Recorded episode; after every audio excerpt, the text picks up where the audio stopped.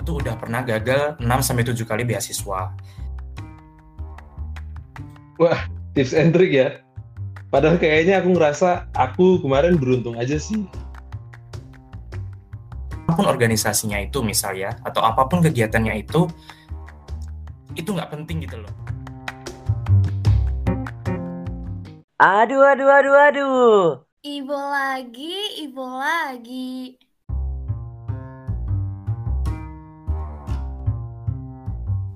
Halo warga Teknik Kimia, kenalin aku Ainaya Nur Safira Parameswari dari Teknik Kimia angkatan 2020. Dan di sini aku bareng sama partnerku Aku Akbar Arifandi dari Teknik Kimia angkatan 2020 juga dan balik lagi di podcast Evo episode kedua To Be the Winner and Beyond. Dari judulnya aja udah ketahuan gak sih kita bakal bahas apa? Bener banget tuh, Nay. Tentunya hari ini tuh kita bakalan bahas seputar lomba, akademik, dan juga beasiswa nih, Nay. Wah, menarik banget sih, Van. Terutama buat kalian-kalian yang pada bucik di sini. Hayo ngaku yang pada bucik nih. Iya nih, cocok banget buat teman-teman semua, apalagi teman-teman masih merupakan mahasiswa baru nih. Nah, sama kayak episode sebelumnya nih, Nay. Kita bakalan sharing-sharing sama pembicara yang tentunya keren-keren banget tuh, Nay. Widih, siapa aja tuh, Van? Oke, jadi kita bakalan ngobrol bareng Mas Krisna Kurnia Adi, Mas Narendra Asya, dan juga Mas Gerard Tondi dari Teknik Kimia Angkatan 2018. Wow, mantep abis sih. Mungkin bisa langsung dikenalin aja, Van. Oke, jadi Mas Krisna, Mas Naren, dan juga Mas Gerald itu sering untuk jadi satu tim dalam lomba nih, Nay. Dan belum lama ini mereka berhasil untuk jadi juara satu di Best Overall dan Gold Medal di kompetisi internasional ICMCC 2021. Selain itu, mereka juga meraih juara satu dan juga Best Presenter pada Chemical Engineering Festival Universitas Pertamina. Nah, sebenarnya masih banyak lagi nih achievement yang mereka dapat. Tapi kalau misal aku sebutin satu-satu nih, Nay, nggak bakalan selesai openingnya. Wow, keren banget sih. Oh ya, setahu aku mereka juga aktif magang dan berorganisasi loh. Mas Gerald pernah menjadi intern di Kementerian ESDM dan sekarang lagi magang nih di NRK Bumi Pratama. Mas Gerald juga menjabat sebagai Vice President di SPI UGM SC. Lalu Mas Naren magang di Akademis ID sebagai Marketing Research Analyst dan menjabat sebagai Director of External Affairs di SPI UGM SC. Nah, kalau Mas Krisna aktif sebagai pengurus harian KMTK dan Ketua Bidang Olsen KMTK. Wah, keren keren banget ya pembicara kita pada episode kali ini. Nah, tadi kan kita udah denger ternyata banyak banget tuh kegiatannya. Kira-kira akademiknya gimana sih, Nay? Akademiknya juga nggak kalah keren dong. Mas Krisna sendiri pernah menjadi asisten prakom dan juga awardee dari dua beasiswa sekaligus, yaitu Ganesha Operation Scholarship dan beasiswa unggulan. Sedangkan Mas Naren adalah awardee dari beasiswa Pertamina Foundation dan awardee dari beasiswa PPA atau peningkatan prestasi akademik. Selain itu, Mas Naren juga pernah menjadi aslep PAB loh. Nah, kalau Mas Gerald berhasil lolos seleksi Indonesian International Student Mobilization Award sehingga akan mengikuti exchange ke the University of British Columbia. Dan gak cuma itu, Masnya juga sudah tersertifikasi untuk proses safety management oleh IKI. Wah, pasti teman-teman semua udah kepo nih untuk ngobrol-ngobrol bareng sama pembicara kita pada episode kali ini. Oke, langsung aja kita ngobrol bareng sama mereka.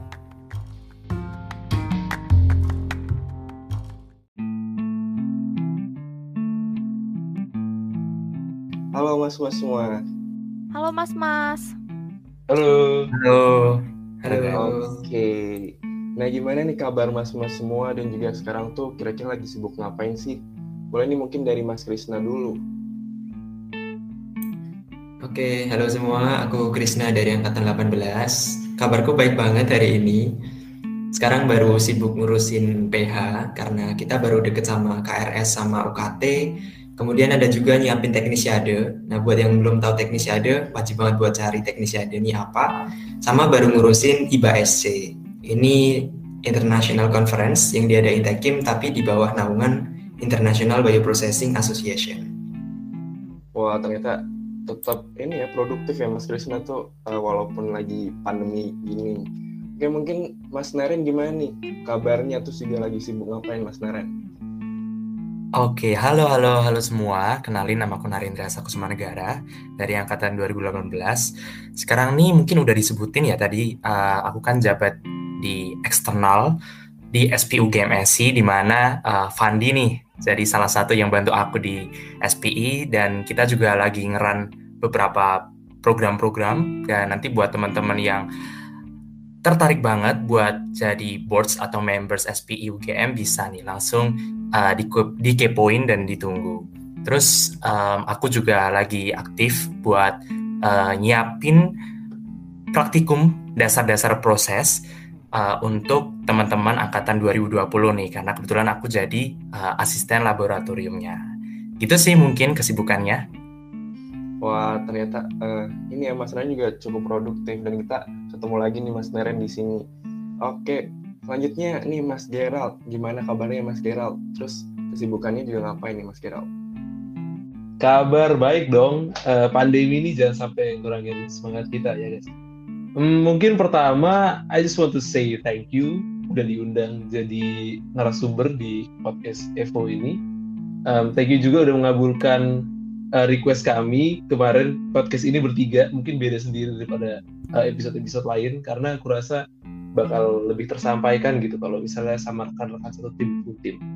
Hmm, mengenai kesibukan, yang pertama yang pasti sibuk KKN kayak semua anak angkatan 2018 di UGM sekarang lagi uh, KKN meskipun online kita tetap harus melakukan itu di semester ini. Um, kesibukanku pribadi itu persiapan lomba hackathon dari Slumber J itu sekarang lagi ongoing nanti presentasi di bulan September dan persiapan uh, pertukaran pelajar ke Kanada nanti di tahun keempat. Sisanya kesibukannya ya yang ongoing dari kemarin-kemarin sih sebenarnya. Uh, ngurus SPUGM itu udah dari awal 2021 sama uh, secara spesifik SPUGM lagi ada persiapan annual event nih kita namanya Annual Petroleum Exhibition and Competition. Nanti akan diselenggarakan di 2021 bulan November. So teman-teman kalau tertarik bisa ngecek uh, sosial media kami. Wow, mantap abis sih. Ternyata Mas Gerald ini nggak kalah sibuk dan produktif ya dengan mas-mas yang lain. Semangat ya mas-mas untuk KKN-nya. Nah, pertama-tama kita ngobrolin tentang beasiswa dan exchange dulu yuk. Tadi kan udah sempet di-mention nih di awal mengenai beasiswa dan exchange yang didapatkan oleh masnya ini ada apa saja. Mungkin dari beasiswa dulu, boleh banget nih Mas Krisna untuk menceritakan lebih lanjut lagi mengenai beasiswa yang didapatkan oleh masnya. Oke, jadi saat ini aku sebagai awardee beasiswa unggulan, yang mana beasiswa ini di cover oleh Kemendikbud. Terus beasiswa ini itu mengcover seluruh biaya kuliah aku, biaya hidup, dan biaya buku. Nah ini sebenarnya cukup buat kita hidup sepanjang kuliah gitu sam sampai akhir tahun keempat bahkan gitu kan tapi tanpa minta bantuan uang dari ortu tapi syaratnya ya jangan hedon gitu kan Iya, bener banget tuh mas Meskipun beasiswa bisa ngecover hidup selama kuliah Tapi tetap aja teman-teman Kita nggak boleh hedon ya Nah, tadi kan kita udah dengerin nih cerita menarik mengenai beasiswa unggulan dari Mas Krisna. Sekarang, yuk kita dengerin cerita yang gak kalah menariknya nih mengenai beasiswa yang didapatkan oleh Mas Naren. Boleh banget nih Mas untuk sharing-sharing ke pendengar Ivo di rumah. Oke, jadi tadi udah disebutin juga, uh, aku sempat dapat beasiswa peningkatan prestasi akademik. Itu sebenarnya simple kita cuma daftar lewat uh, universitas masing-masing. Kalau kita ya tentunya di UGM dan itu beasiswanya itu uh, diturunkan oleh Kementerian Ristekdikti nah cuman karena uh, kalau nggak salah ya itu karena Kemendikbud itu udah masuk lagi ke Kemendikbud jadi udah nggak ada beasiswanya. Terakhir itu ya pada saat aku dapat. Nah kemudian um, itu di tahun 2019 dan sekarang uh, alhamdulillah aku baru aja dapat kemarin bulan kemarin beasiswa uh, dari Pertamina Foundation uh, beasiswa Sobat Bumi. Jadi ini lumayan banget juga dan mungkin Fandi juga nanti sebenarnya bisa cerita ini karena uh, Fandi ini juga dapat ya teman-teman. Keren banget. Dia angkatan 20 tapi udah dapat beasiswa dari Pertamina. Jadi uh, selain bantuan UKT, kemudian ada uang bulanan uh, yang mungkin juga lumayan cukup lah untuk untuk uh, makan kita itu lumayan cukup. Tapi mungkin nggak bisa kalau misalnya makan yang mahal-mahal gitu ya selain itu uh, yang nanti kita dapetin dari beasiswa Pertamina uh, Sobat Bumi ini adalah kegiatan-kegiatan uh, developmentnya yang nanti diadakan selain itu uh, nanti uh, ada juga kegiatan social project yang harus dilaksanakan oleh kita para awardee baik secara regional maupun nasional. Gitu sih mungkin. Oke, nah tadi juga udah disinggung nih sama Mas Naren. Uh, kalau misalkan uh, aku juga awardingnya, jadi buat teman-teman semua jangan uh, patah semangat karena untuk angkatan muda pun tidak menutup kemungkinan nih gitu. Nah ternyata kita juga jadi paham kalau misalkan ikut beasiswa itu menguntungkan banget banyak benefitnya yang bisa kita dapat gitu terus juga banyak juga kegiatan yang bisa ikutin nah tadi kita udah dengar-dengar dari beasiswa nih terus sekarang mungkin boleh nih dari Mas Gerald yang akan mengikuti exchange boleh diceritakan nih tentang exchange-nya Oke, okay. um, mengenai exchange, aku sekarang lagi ikut programnya ISMA, uh, Indonesian International uh, Student Mobility Awards. Uh, in a sense, sebenarnya dia mungkin tergolong beasiswa ya karena uh, aku diberikan uh, kesempatan dibayarin untuk jalan-jalan ke luar negeri sambil kuliah di sana. Um, ISMA itu sendiri bagian dari kampus Merdeka. Uh, biasanya kita nyebutnya MBKM, Merdeka Belajar Kampus Merdeka. Dan uh, kampus Merdeka ini diselenggarain sama Kemendikbud dan banyak gitu sebenarnya yang di apa ya program-program di bawah kampus Merdeka ini. Ada magang mandiri, ada pertukaran pelajar di dalam negeri, kita belajar di kampus lain. Ada kalau nggak salah kayak kampus mengajar atau apa gitu, kamu voluntary jadi guru di daerah 3T, if I'm not mistaken. Terus salah satunya ini yang aku lagi ikutin sekarang ISMA. Uh, kayak LPDP, dia mini LP, dia mini LPDP gitu, um, kuliah pertukaran pelajar ke luar negeri, uh, masuk 20 SKS di Tekim jadi um, kita bakal terbatas nanti milih matkul di Tekimnya cuma sisa 4 SKS kan dan uh, matkul yang dikasih sama uh, host university partner kita yang mau kita datengin itu agak general gitu. Jadi kita bisa fleksibel mau belajar, mau pilih negara apa pun, mau pilih univ mana pun. Dan di sini selain kita dapat international exposure, kita dapat edukasi yang top juga dari universitas yang kita mau datengin.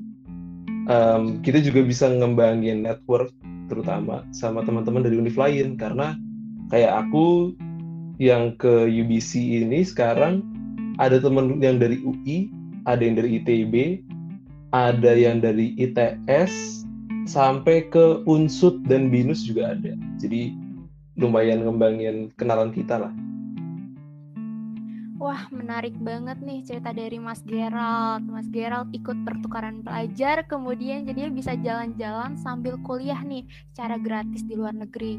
Nah, Mas Gerald tuh biasanya dapat info-info mengenai exchange itu dari mana sih, Mas? Mengenai info tentang exchange, um, jadi ini kan karena programnya baru diadain di 2021 kan ISMA ini dan kampus Merdeka itu setahu sejauh ini tuh baru diadain di tahun 2021 ini. Dan kemarin um, Naren sebenarnya ngajakin aku buat ikut ISMA. Terus uh, kita tertarik aku daftar dan lanjut jadi salah satu awardinya dan um, ini bisa jadi info gitu buat ke teman-teman 2021 mainly pendengarnya podcast ini kan. Kalian bisa mantengin terus aja Instagramnya Kampus Merdeka uh, namanya kalau nggak salah kampusmerdeka.id atau enggak Merdeka Belajar Kampus Merdeka. Itu kalau misalnya mau nyari info tentang ISMA. Kalau misalnya pertukaran pelajar lain um, yang secara fisik itu ya aku tahu kita punya uh, partnership antara UGM, Tekim UGM sama yang Universitas Jepang apa namanya? Aku lupa. Uh, Ehime, Ger. Ehime, iya Ehime University itu biasanya uh, kerjasama bilateral antara UGM sama Ehime itu ada pertukaran pelajar khususnya buat semester 7 nanti selama mungkin dua bulan tiga bulan deh jadi nggak begitu lama sebenarnya aku kurang tahu itu bakal uh, ada apa enggak di 2021 ini karena sampai sekarang harusnya udah mulai seleksi tapi sekarang masih belum ada kabarnya um, terus ya mungkin nanti waktu teman-teman 2021 waktu udah tahun ketiga uh, udah dibuka lagi tapi itu yang pasti selalu ada uh, antara Tekim sama Hime. Terus di luar itu pertukaran pelajar kalau misalnya kalian mau ngitung pertukaran pelajar virtual itu banyak banget di OIA UGM. Monggo dicek, cari aja di situ exchange. Uh, terus di situ pasti banyak pilihannya deh. Ada yang ke Korea, ada yang ke Rusia, ada yang ke Jepang, tapi virtual semua. Kalau misalnya ngikutin uh, pandemi sekarang ya. Hmm, mungkin itu aja sih kalau misalnya info-info mengenai uh, exchange nggak banyak soalnya Oke tuh teman-teman 2021 yang tertarik pengen ikut exchange, boleh banget langsung ngepoin IG-nya Kampus Merdeka untuk lihat-lihat program dari ISMA. Nah kemudian untuk program uh, exchange lain bisa teman-teman lihat lewat web OIA UGM. Seperti itu teman-teman. Nah, tadi uh, kita udah tahu nih info-info mengenai uh, pertukaran pelajar bisa diakses di mana. Nah, sekarang untuk info mengenai beasiswa itu kita bisa diakses mengakses lewat mana aja sih? Mungkin Mas Krisna bisa bagi-bagi informasi nih. Oke, kalau info beasiswa ini sebenarnya banyak banget teman-teman. Kalau mau lihat itu kalian ketik aja di Instagram, itu search sekalian, ketik aja beasiswa, pasti nanti langsung muncul akun-akun banyak banget gitu kan tentang info-info beasiswa di Indonesia bahkan luar negeri gitu. Jadi manfaatin aja Instagram kalian, nanti pasti juga um, bakal kebuka peluangnya, bakal kebuka info-infonya kalau kalian mau nyari gitu karena gampang banget buat dapat infonya. Ada juga dari KMTK itu juga punya akun namanya Scholar Shop. Nah di situ add aja akunnya nanti di KMTK. Kalau mau cari akunnya pasti bakal di share besok. Nah itu kita merangkum beasiswa-beasiswa apa aja yang bisa di-apply sama anak tekim gitu. Mulai dari yang beasiswa umum sampai beasiswa yang khusus khusus anak tekim gitu. Biasanya juga ada beasiswa dari alumni juga. Yang itu bisa teman-teman manfaatin. Nah, karena di sini cuma lewat scholarship itu kita bisa dapat info tentang beasiswa alumni gitu. Jadi intinya manfaatkanlah media sosial sebaik mungkin. Jangan cuma buat main-main aja tapi juga buat cari informasi yang berguna gitu dan manfaatkan fasilitas yang udah ada di KMTK yaitu scholarship. Oke, wah ternyata ini ya banyak banget informasi yang bisa diambil nih portal-portal informasi beasiswa tuh yang bisa teman-teman manfaatkan untuk mencari beasiswa. Nah mungkin uh, informasinya udah dapet nih kira-kira kan dari portal-portal tadi kita udah tahu ke mana nih untuk cari infonya. Terus mungkin ada nggak sih tips and trick khusus nih dari Mas Krisna dan juga Mas Naren untuk bisa jadi awardee dari sebuah beasiswa gitu?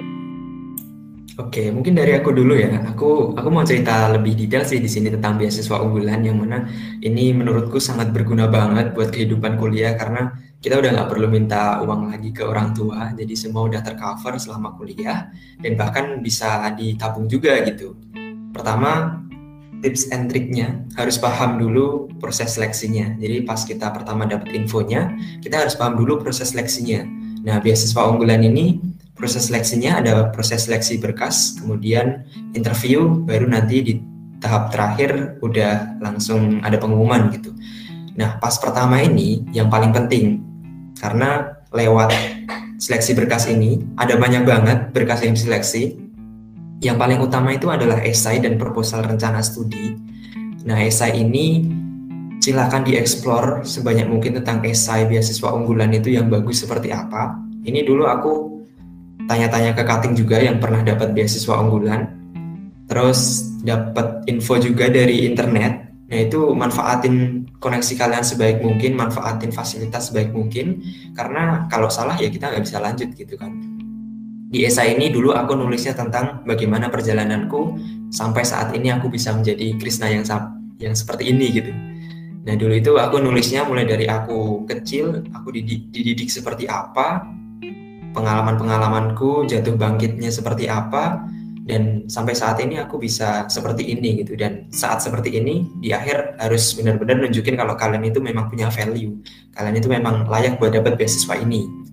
Nah terus proposal rencana studi aku bikin proposal rencana studi itu waktu itu semester 2 menuju semester 3 jadi aku masuknya ke beasiswa ongoing tahun pertama aku belum dapat infonya jadi aku baru bisa memulai tahun kedua dan tahun kedua ini proposal rencana studi kan berarti rencana studi dari tahun kedua sampai tahun keempat. Nah, di situ benar-benar kita detailkan. Pokoknya harus beda dari yang lain, harus detail banget. Mulai dari waktu itu aku survei harga buku seluruh tagging.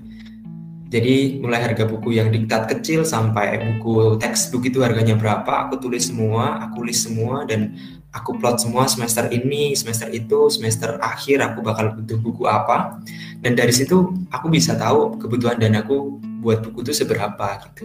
Dan di situ aku merasa aku benar-benar mencurahkan effortku buat mencari informasi-informasi itu. Dan juga proposal rencana studi ini mengcover tentang penelitian dan tugas akhir. Nah di situ teman-teman nggak perlu mikirin yang apa ya, yang aduh besok aku ngambil penel apa ya, aku besok ngambil TPPK apa ya, pokoknya tulis aja yang jadi interest kalian dulu baru habis itu besok kalau berubah itu nggak masalah karena kita nggak perlu melaporkan itu. Yang penting adalah rencana kita kita punya punya pandangan kita punya visi ke masa depan kita gitu. Itu yang paling penting yang dilihat dari proses seleksi ini di berkas.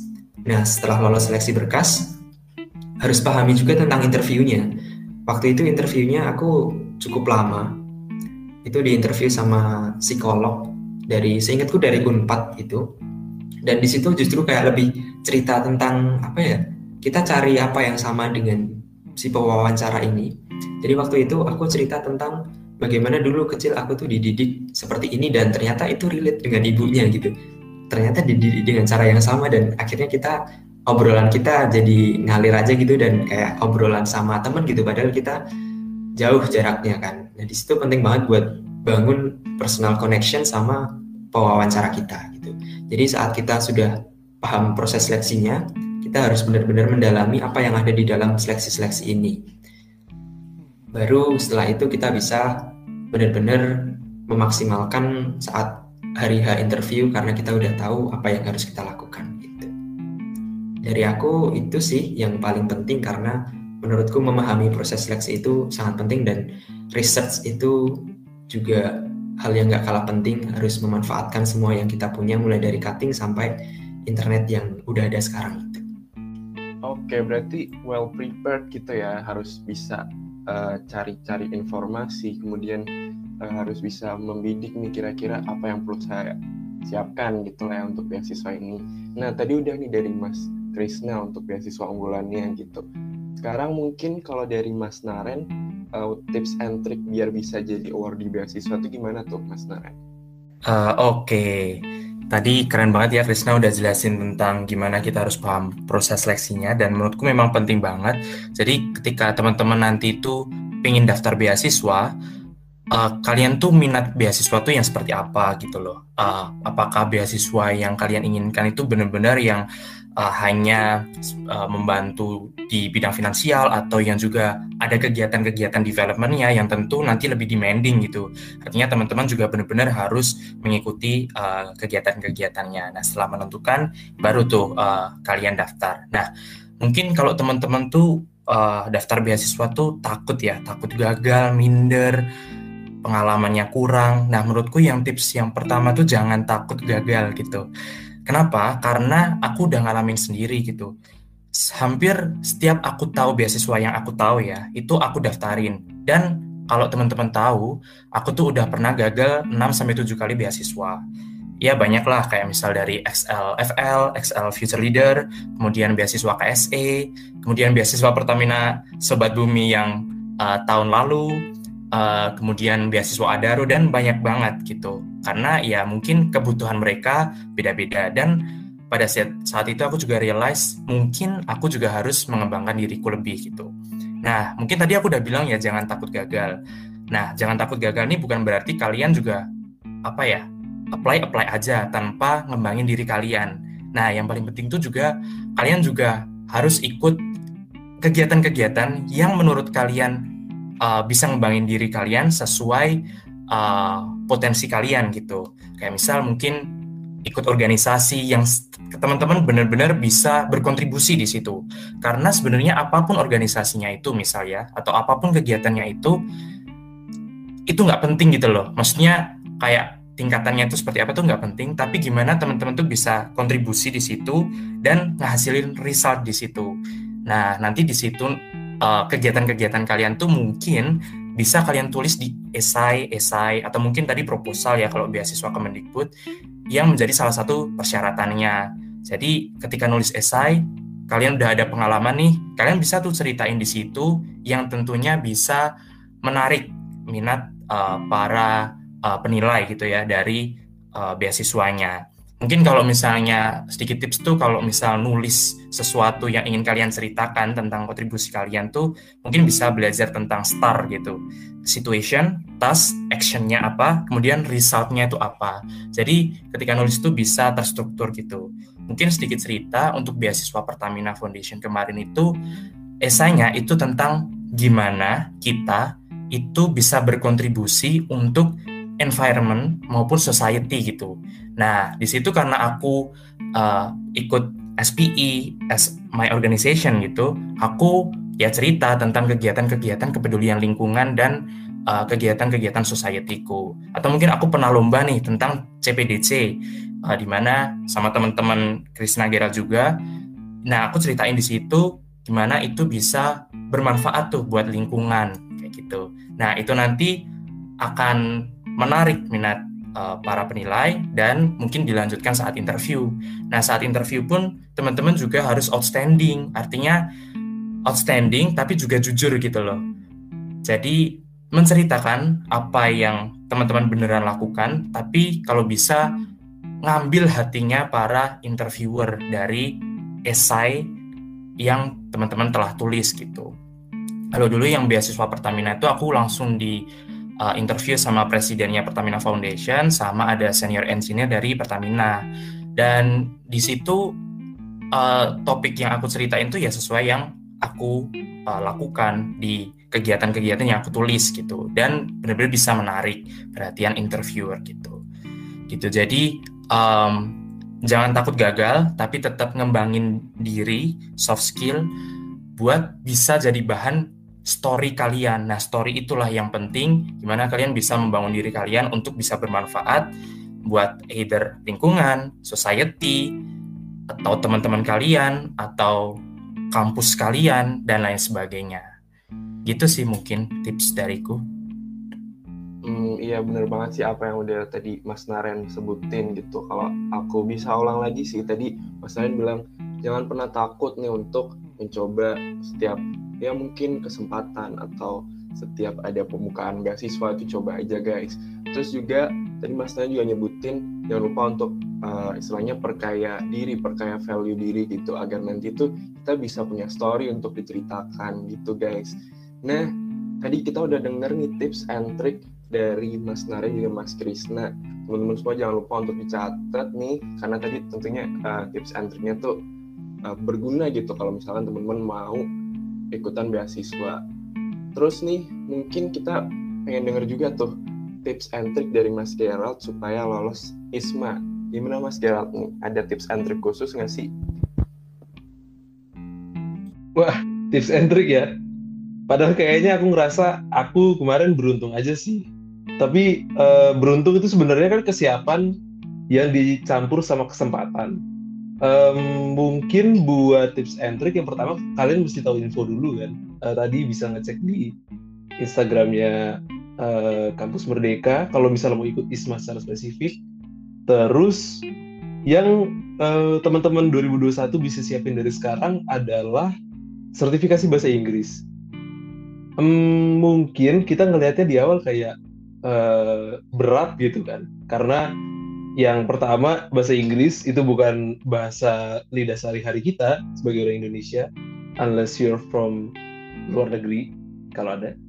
Um, yang kedua adalah sertifikasi bahasa Inggris itu bayar dan biasanya nggak murah. Kayak TOEFL ITP sekitar satu jutaan, uh, IELTS itu sekitar 2,2-2,3 juta, dan yang paling murah sekarang yang paling attainable sebenarnya itu Duolingo sekitar 700 ribu. Hmm, itu memang agak berat gitu, tapi kalau misal teman-teman udah ada persiapan seenggaknya dari sekarang, uh, haruskah les? Nggak harus. Kalian bisa baca-baca dari buku lolos IELTS atau lolos TOEFL sendiri. Biasanya di buku itu juga ada either USB atau enggak kayak link Google Drive yang kalian bisa akses buat belajar secara mandiri. Habis itu uh, kalau misal kalian udah ngerasa siap, baru nyoba sertifikasinya itu.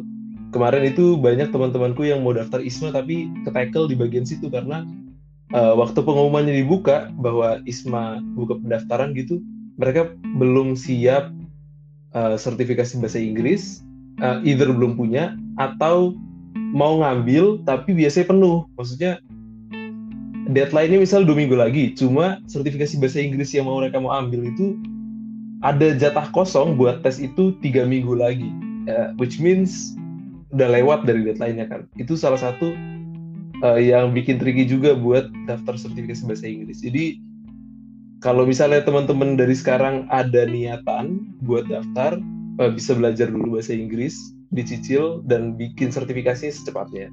Nanti biasanya berlaku dua tahun ya, mungkin di take lagi di tahun ketiga, gitu.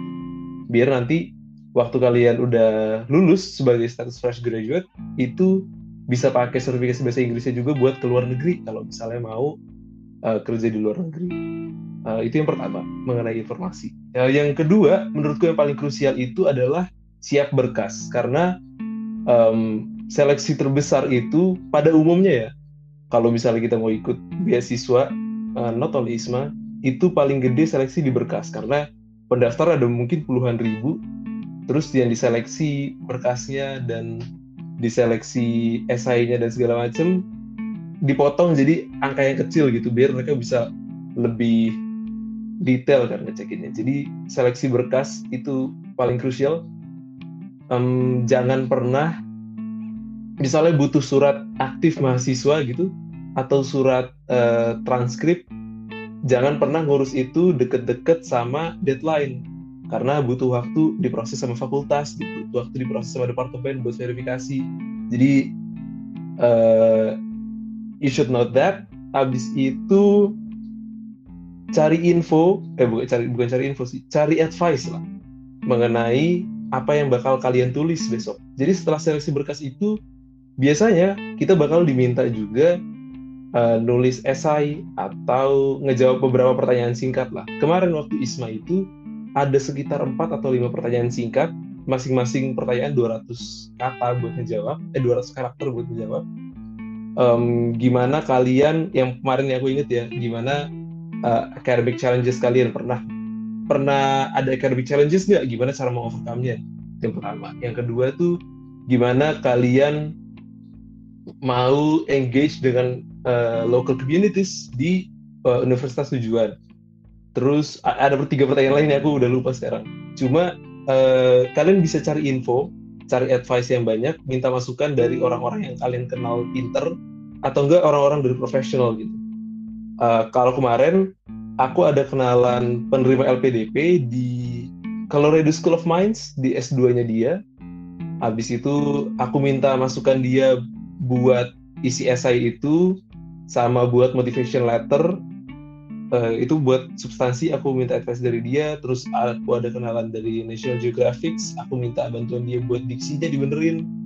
Terus uh, mungkin yang bisa membantu yang lain itu adalah kalian punya surat referral referral letter. Uh, itu adalah surat rekomendasi dari orang-orang yang kenal kalian bukan secara keluarga. Jadi entah kalian punya rekan baik ya biasanya ini yang lebih valid kalau misalnya punya rekan di dunia industri ya misalnya kalian punya rekan baik uh, di dunia industri sebagai dulu pernah ada project bareng, pernah bikin paper bareng, pernah lomba bareng, or as simply as itu DPA kalian gitu. Yang penting hubungannya bukan uh, keluarga, bukan hubungan darah. Dan uh, recommendation letter, referral, referral letter ini sangat ngebantu banget buat seleksi apa pun sebenarnya. Be it beasiswa ISMA secara spesifik atau beasiswa uh, yang lebih gede. Kayak kemarin kalau nggak salah waktu Chandra Asri temanku bilang juga butuh reference letter gitu sih uh, ya itulah pokoknya ngebantu uh, memvalidasi bahwa kalian itu sebenarnya orangnya bagus terus yang ketiga tahapannya adalah wawancara waktu wawancara ini sebenarnya lebih mereconfirm jawaban esai atau motlet yang kita tulis gitu. Um, waktu Isma itu interviewnya sangat singkat. Um, jadi first impression itu sangat penting. Karena dalam waktu di bawah 10 menit dia harus kita harus dapat hooknya gitu dari si wawancara. Dan harus detail dalam menjawab. Bukan kayak aku sekarang ini aku agak muter-muter karena emang kurang persiapan aja sih. Sorry guys. Uh, tapi harus detail gitu dalam menjawab. Karena kalau aku rule of thumb-nya adalah pastiin bisa ngejawab sampai tiga kali why atau how. Jadi kamu ditanya nih uh, kenapa kamu milih universitas ini? Iya karena saya ngerasa uh, saya tertarik di bidang X. Itu why pertama. Terus ditanya lagi why kedua sama dia kenapa bidang X? Karena ini ini ini. Kenapa ini ini ini? Karena pokoknya kamu harus bisa ngejawab sampai tiga kali why atau how gitu. Itu membuktikan bahwa kamu detail dalam ngejawab dan uh, semua poin yang bisa kamu sampaikan kamu sampaikan di situ. Terus uh, yang paling pasti dalam sebuah wawancara adalah uh, ketidakpastiannya. Karena apa pun bisa tiba-tiba ditanyain sama wawancara itu. Jadi sebisa mungkin kalian tahu info banyak mengenai universitasnya, tahu informasi banyak mengenai lembaga yang menyelenggarakan di belakangnya, dan yang pasti kalian harus tahu banyak tentang diri sendiri, termasuk motivasi, struggle, dan apa yang kalian targetin ke depannya. Oke deh, ternyata lumayan panjang ya persiapannya. Tapi untuk teman-teman 2021 nih, pasti masih punya banyak waktu untuk menyiapkan hal-hal tersebut. Tentu persiapannya harus dilakukan dari jauh-jauh hari, mulai dari cari info, kemudian menyiapkan sertifikasi bahasa Inggris, lalu juga menyiapkan berkas-berkas yang dibutuhkan untuk seleksi berkas dan juga harus well prepared untuk proses wawancaranya. Nah, teman-teman, tadi kan kita udah uh, ngomongin mengenai exchange dan juga beasiswa. Enaknya setelah ini kita ngomongin tentang lomba nggak sih, Van? Setuju banget nih sama Naya. Nah, tapi untuk pembahasan lomba kita bakal bahas di part 2 podcast ini nih, teman-teman. Di situ kita bakal mengulik lebih dalam lagi tentang lomba-lomba bersama Mas Gerald, Mas Naren, dan juga Mas Krisna. Bener banget tuh, tapi teman-teman gak usah khawatir karena pembahasan di podcast selanjutnya pasti gak kalah seru juga. Apalagi pembicaranya ini sangat berpengalaman dalam mengikuti kompetisi nih guys. Oke, sampai di sini dulu podcast 2 part satunya. Dan kami juga berterima kasih banyak untuk teman-teman semua yang sudah mendengarkan dan juga setia sampai detik ini nih. Sampai jumpa di part 2 podcast Evo 2 To Be The Winner and Beyond.